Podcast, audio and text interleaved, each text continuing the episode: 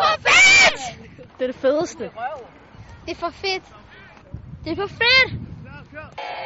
Der var det store smil på hos børnene, da Boldklubben Union afholdte Ghetto Fodboldskole. En fodboldskole, som henvender sig til børn fra belastede områder, og som økonomisk ikke har mulighed for at være med på de traditionelle DBU-fodboldskoler.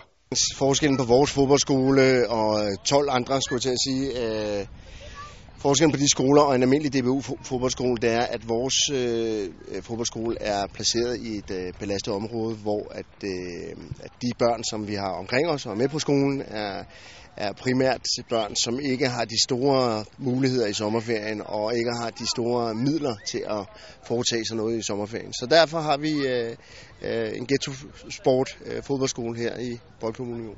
Men fokus er, at vi skal have det sjovt. Det er det første fokus, og vi skal lege, og vi skal, vi skal hygge. Men udover det, så er der jo en masse andre aspekter inde i det her også. Der er jo integrering af, af, af børn, som ikke kommer ud. Og nu er det ikke kun, øh, nu er det ikke kun øh, øh, børn med, med anden etnisk baggrund. Altså vi har også en masse danske børn, som ikke har saltet til et æg. Så, så at få alt det her bygget ind i, i, i en forening som, som øh, Boldklub Union, det er jo fantastisk, at det skal lade sig gøre, og at, at, øh, at vi får midler fra, fra DBU og fra Dansk Idrætsforbund øh, til at kunne, kunne afholde sådan en fodboldskole. Vi laver mange sjove øvelser, og vi får god mad, og det er også hyggeligt at være sammen med sine kammerater. Det, der været fedest, er, at vi har lært noget masse af vores trænere. Vi, man lærer meget, og vi spiller fodbold. Vi må bare have det sjovt. Og for målmandstræning, det er også meget fedt. Torsdag lagde Københavns Kultur- og Fritidsborgmester Karl Christian Ebbesen vejen forbi Ghetto Fodboldskolen i Boldklub Union. Dels for at få en snak med folkene bag projektet, men også for at spille og få en slud med børnene, og vurderingen for Kultur- og Fritidsborgmesteren er klokke klar.